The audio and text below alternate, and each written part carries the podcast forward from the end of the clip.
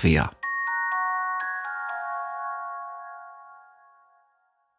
Mazas nozīmītas lielais stāsts un Valmieras vēsture. Piemiņas zīme, kā šaursliežu dzelzceļa sākuma lieciniece Valmierā un senāki pilsētas vēstures liecinieki, izgraznots spēles kauliņš, gludināmais stikls un 17. gadsimta šāviņi. Tādi divi stāsti skanēs šajā raidījumā, kas tika ierakstīts Valmieras muzejā. Un tad, lai parādītu cilvēkiem, ka tas nav tā, ka viņi atnes to priekšmetu, viņš kaut kur muzeja dzīvēs pazūd. Mēs parādām, ka, jā, ka mums ir iespēja gan viņus parādīt, fotografijas, gan priekšmetus, gan digitālas liecības. Tad tā tie reālie priekšmeti, ko cilvēki nodod muzejam, jau otro gadu Valmieras muzejā ir apskatāmi. Tā izstādīta ir mēnesi tā ir ekspresa izstāde, un tad cilvēki atnāk un saka, jā, bet tur bija tikai trīs fotogrāfijas un viens priekšmets. Vai divi priekšmeti. Kāpēc tā? Jo viņi ir pieraduši, ka nu, izstāde tur ir pilns ar priekšmetiem. Tā. Bet tā lieta ir, jā, ka mēs parādām to īpašo, unikālo, kas ir tieši no tās kolekcijas. Laikā, kad tapa šis ieraksts, ekspresa izstāde bija veltīta Valmieras šaursliežu dzelzceļa vēsturei un izstādes veidotāja, muzeja vadošā pētniece Liena Rokpelne rāda uz diviem eksponātiem – mazu nozīmīti eiro monētas apmēros un pamatīgu sliedas gabalu, uz kura redzams gada skaitlis 1878.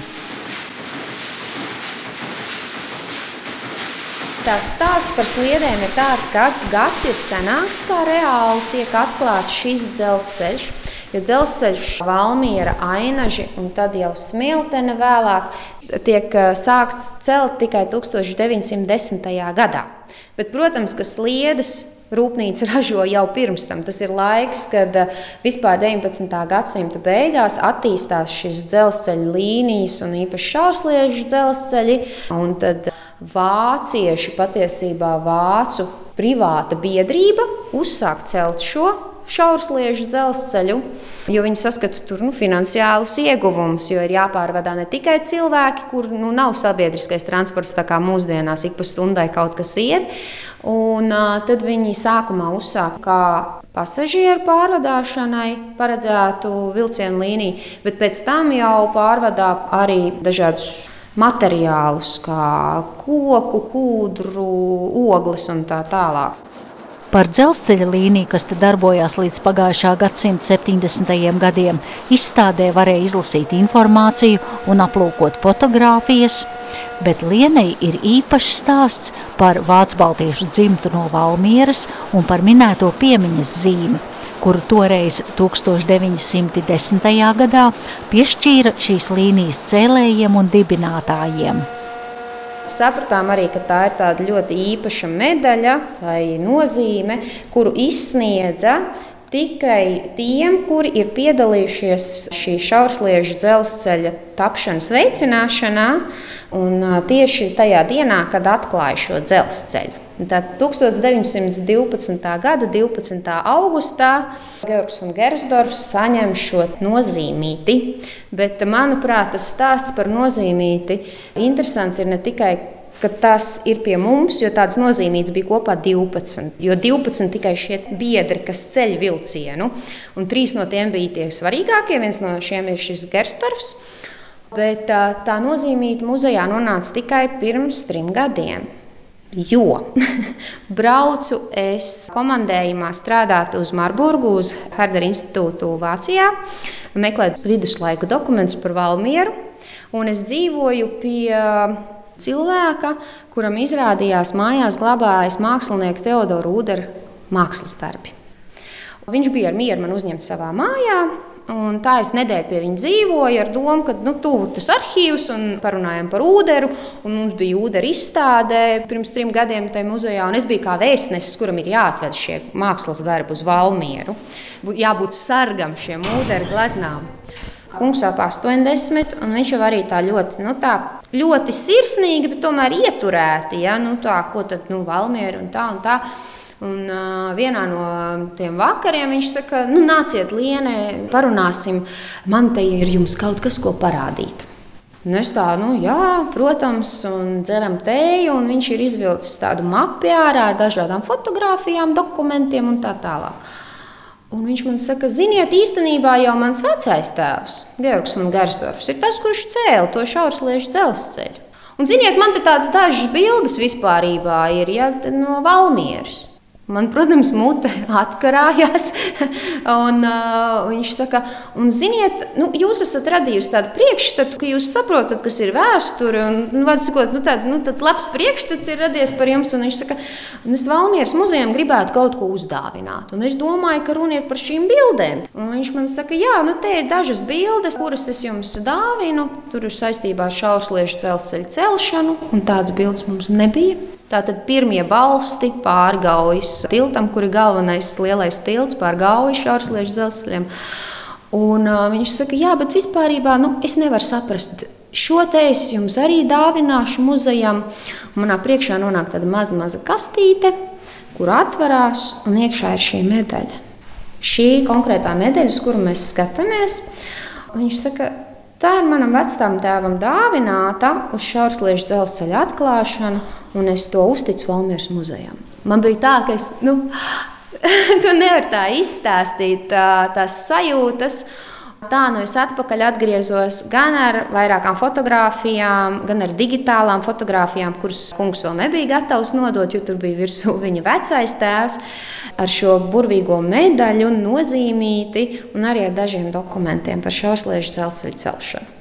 Bet tā bija sakritība. Tā bija pilnīgi sakritība. Jā, tieši tā. Un tad jau beigās, kad mēs sākām runāt, jā, tad viņš teica, o, man jau te patiesībā tēvs ir bijis viens no priekšniekiem Valmierā. Es vēl apskatīšos, kas man vēl ir mājās. Un tā mūsu saraksts ir turpinājusies. Kontaktus mēs vēl joprojām uzturam ar šo Zolmusu, kurš dzīvo Marburgā.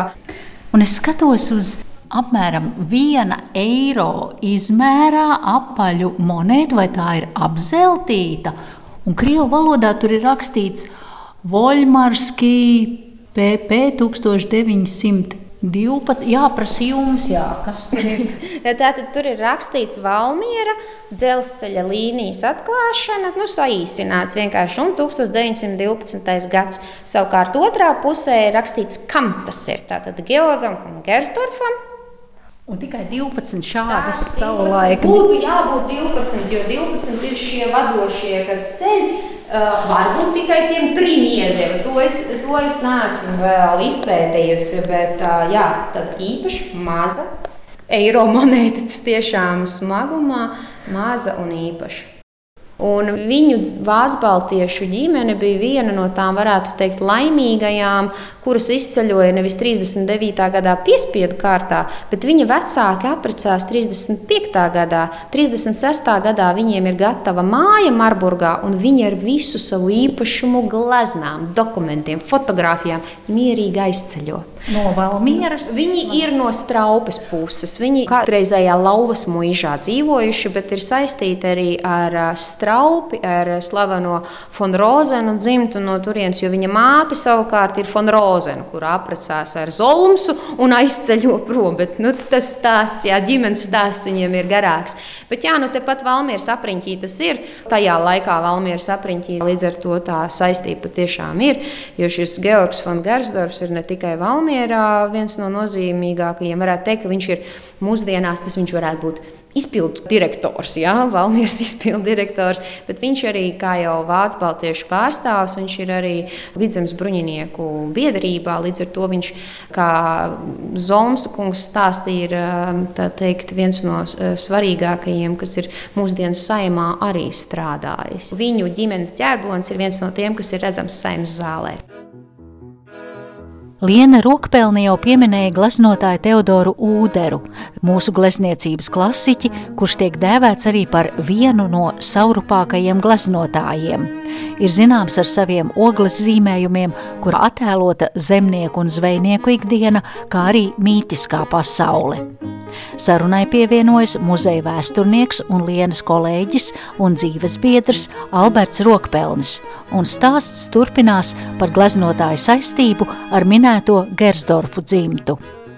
Vai atceries vienā no tajā reizē, kad mēs ciemojāmies pie Zolmsa, Vairākas reizes mēs tur esam bijuši līdz tādēļ, ka mēs rīkojām dažus gadus atpakaļ māksliniekam Teodoram Uderam izstādi. Un tā kā Zomsam pieder vairākas gleznas, mēs no viņa deponējām. Mēs deponējām gleznas, un toreiz mēs pie viņa skatījāmies to dienas grāmatu. Vārds sakot, kā Liena minēja, ka tie dokumenti un dažādas ģimenes lietas bija paņemtas līdzi. Bija dienas grāmata, kurā bija ierakstījuši par savu viesošanos, atstājuši liecību viesi jaunā gada svinībās. Tātad ir pienācis 1914. gads, un Teodors Uders, Zolms, tēva mājās svin jauno gadu un raksta, ir pienācis jaunais gads. Nezinu, ko tas mums nesīs. Nu, vai sakot, 14. gadā. Pirmais pasaules karš sākās. A, tas ir šeit bijis. Nu, Laus mūžā. Tas ir pa Limbašu, pa Limbašu ceļu būtībā mm -hmm. braucot tur vēl joprojām tas īpašums ir. Tur tagad ir viesunams. Jā, tā dienas grāmata, kas viņam ir, to viņš, protams, mums neatdeva, bet man ir visas dienas grāmatas digitālā kopija, kur ir arī tādi Teodora Ūdera nu, skicītas gleznojumi iekšā. Tādēļ, ka šajā lausu mūžā viņi rīkoja vasarās tādus mākslinieku, kā nu plenērus, jā, un Teodors Uders arī tur piedalījās. Daudzas no tām gleznām, nu, kā pelnīja naudu mākslinieki tajā laikā, bija portretu zīmēšana. Un arī Teodors Uders šai ģimenei, konkrētajai, gan Fongrozeniem, gan Gersdorfiem, ir zīmējis šos, glaznojis šos portretus. Tādēļ, kā jau es teicu, viņiem bija izdevība visu aizvest, un viņam tās glazmas tur glabājās mājā. Un, un, un, un jā, arī šajā dienas grāmatā, kas kā viesu dienas grāmata, viesu tāda grāmata, kur ierakstās visi kas ciemojās. Un Teodors Uders ir ciemojies, un tur arī kaut ko iezīmējis nedaudz. Tā kā saruna virzās tālāk par Teodoru Ūderu, tad Liene un Alberts Rokpeļņi mani vedina uz muzeja gleznu krātuvi, kur līdzās citiem ar Valmieras pusi saistītiem vizuālās mākslas meistaru darbiem glabājas arī ūdera gleznas. Tagad mēs atrodamies mūsu. Es saprotu, ka es ienāku dārgumu krātuves epicentrā. Jā, šī ir mūsu mākslinieces noformētājs Andris Ledainis valstība. Es redzu tikai gleznu muguras, kur ir rakstīts Pēters Postašs. Tad es saprotu, ka te ir vairāk ievērojamu gleznotāju, kuriem ir saistība ar jā, jā, protams, Valmieru mākslas darbu. Jā, Pēters Postašs, bet, bet arī valmierieši un vietējie.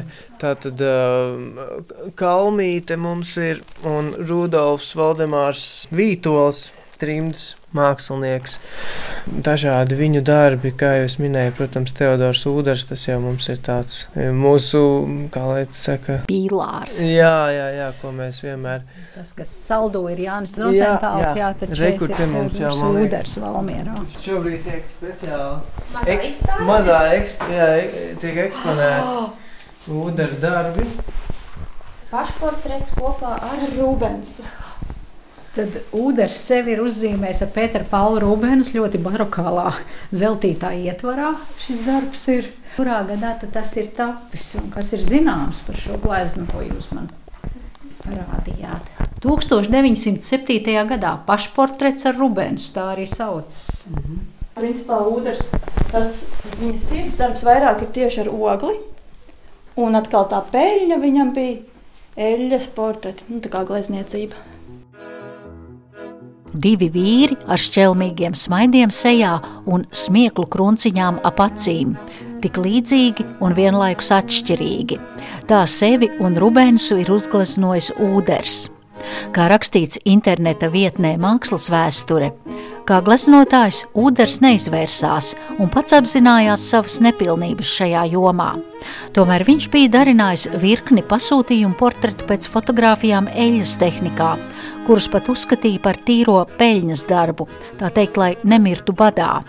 Mākslinieka brīvo ar pasūtījumu apstākļiem nesaistīto gleznojumu rindā ir atzīmējams tematiski unikālais pašportrets ar Rubensu – kas vistiešākā veidā interpretējams mākslinieka estētisko uzskatu aspektā.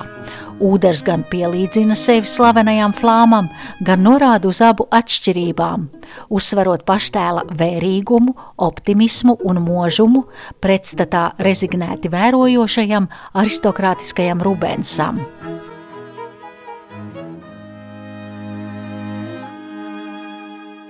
Nākamais stāsts ir par Valmieras senāku vēsturi, kāda tā bija kā Hanzas Savienības pilsēta un kādus priekšmetus te tolaik gatavoja amatnieki.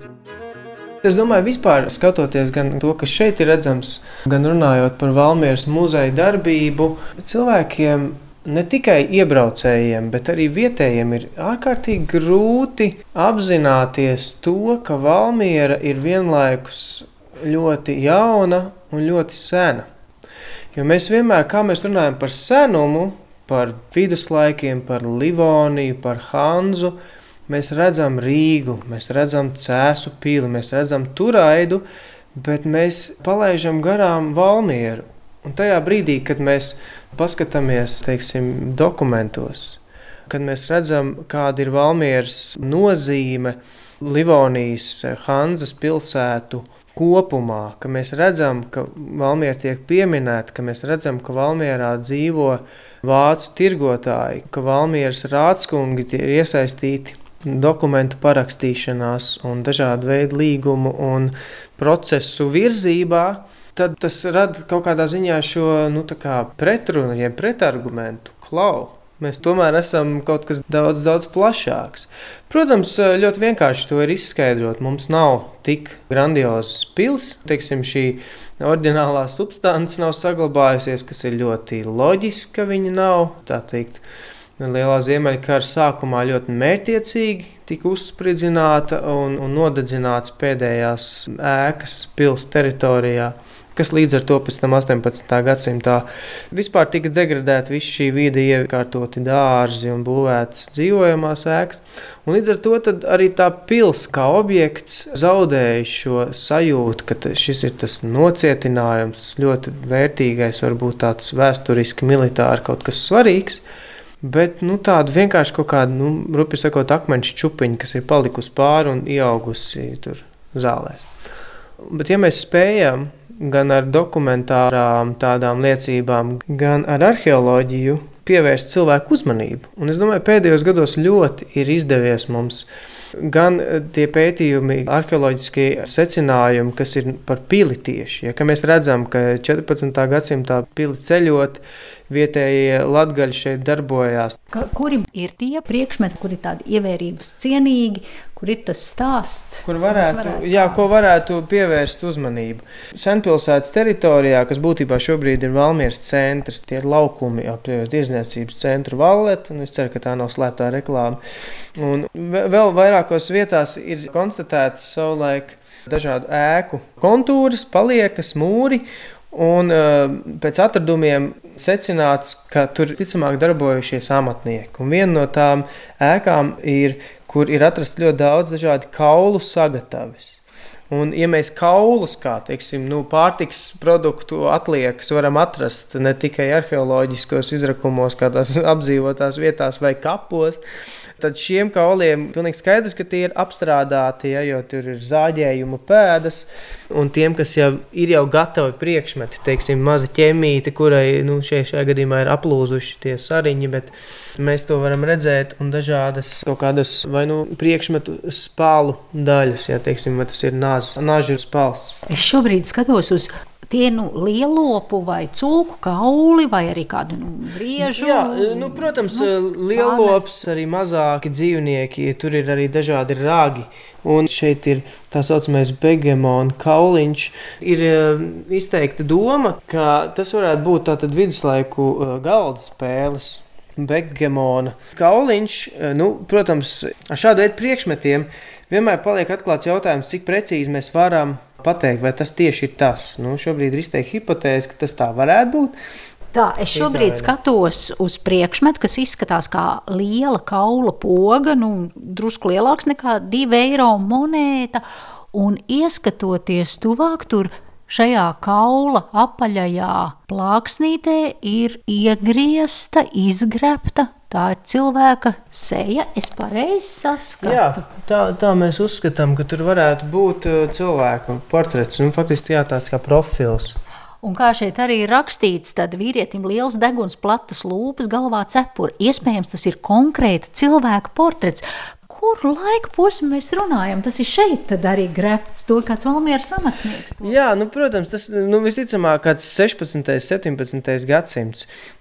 Nu jā, te var apskatīt kaula juvelieru mākslu. Jā, vēl es gribēju pieminēt, ja mēs runājam par arheoloģisko materiālu, Protams, pilsētās un arī pilīs lielākoties atrod ļoti līdzīgus un ļoti tādus tipveidu priekšmetus. Ja teiksim, keramikas lauskas neskaitāms un māla pīpītes. Māla pīpītes, jā, jā, nu neskaitāms. Viņas varētu tiešām tūkstošiem. Mums ir ļoti, ļoti daudz tieši kara seku, nu, būtībā kara priekšmeti, dažādas 17. gadsimta lodes un tās uh, sprākstošās bumbas, ja, kas ir pildāmās tādas. Nu, kur kur uh, iever pulveri. Viņas... Aprūsējis smaga lode jā, ar izdobtu vidu, kurā jā, iever pulveri. Jā, tieši tā. Un tāds interesants priekšmets, kas šeit nav, bet kas būs apskatāms jaunajā ekspozīcijā, un kas arī ir atrasts Valmieras senpilsētā, ir gludināmais stikla gabals. Tad kādreiz audumu tāpat gludināja. Tas nav nekas jauns. Ja? Un uh, tika uzsildīts speciālā veidā šis nu, stikla akmens, akmens formā tāds stikls, ar kuru gludināja drēbes. Un arī tāds ir atrasts Valmieras vecpilsētā. Palasot literatūru un, un tāpat apzinot muzejus, izrādās, ka tas ir tāds īpašs un rets priekšmets. Un tas būs izstādīts Valmierā sadaļā par pilsētu, kā pilsētnieku dzīve, ja? nekas jau nav no jauna izdomāts domāts. Tāpat gludināja arī viduslaikos, jaunajos laikos un mūsdienās. Šeit, piemēram, ļoti interesants kaula stabulīte. Pie mums pilsētas un pilsētas teritorijā arī ļoti daudz dzelzceļa vargāni ir atrasti. Kas, Tas, ko strīkšķina. Jā, jā, jā, tā teikt, ar, ar, ar, ar, ar lūpām, ar zobiem, ko strīkšķina.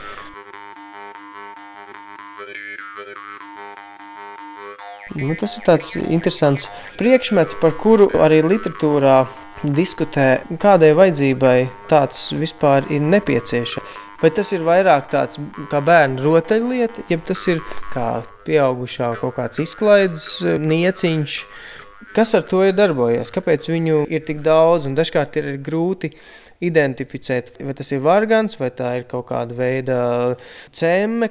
Tāds nu, diskusiju vērts objektiņš, kas no vienas puses varētu likties nu, tāds nieciņš, ja, bet no otras puses, ja mēs vienlaikus viņu atrodam Rīgā, Doma laukuma apbedījumos, pusauģu kapā, tāpat laikā mēs tādu pašu vairākus atrodam šeit Valmieras pilī vai, piemēram, Ventspīlī pilsētas pārvaldnieka telpas grīdā Tas nozīmē, ka kurš to ir spēlējis? Vai viņš pats vai kādi nu, teiksim, apkalpojušies personāls. Respektīvi, tāds priekšmets, kas it kā ir savā ziņā neliels, no dzelzceļa izlocīts nieciņš, bet mēģinot uh, savilkt šo vēsturisko kontekstu, visas tās vides, kurās tas tiek atrasts, tas rada ārkārtīgi interesants nu, hipotēzes. Priekšmets ar jautājumu. Atbildes tiek meklētas aizvien, es saprotu. Jā.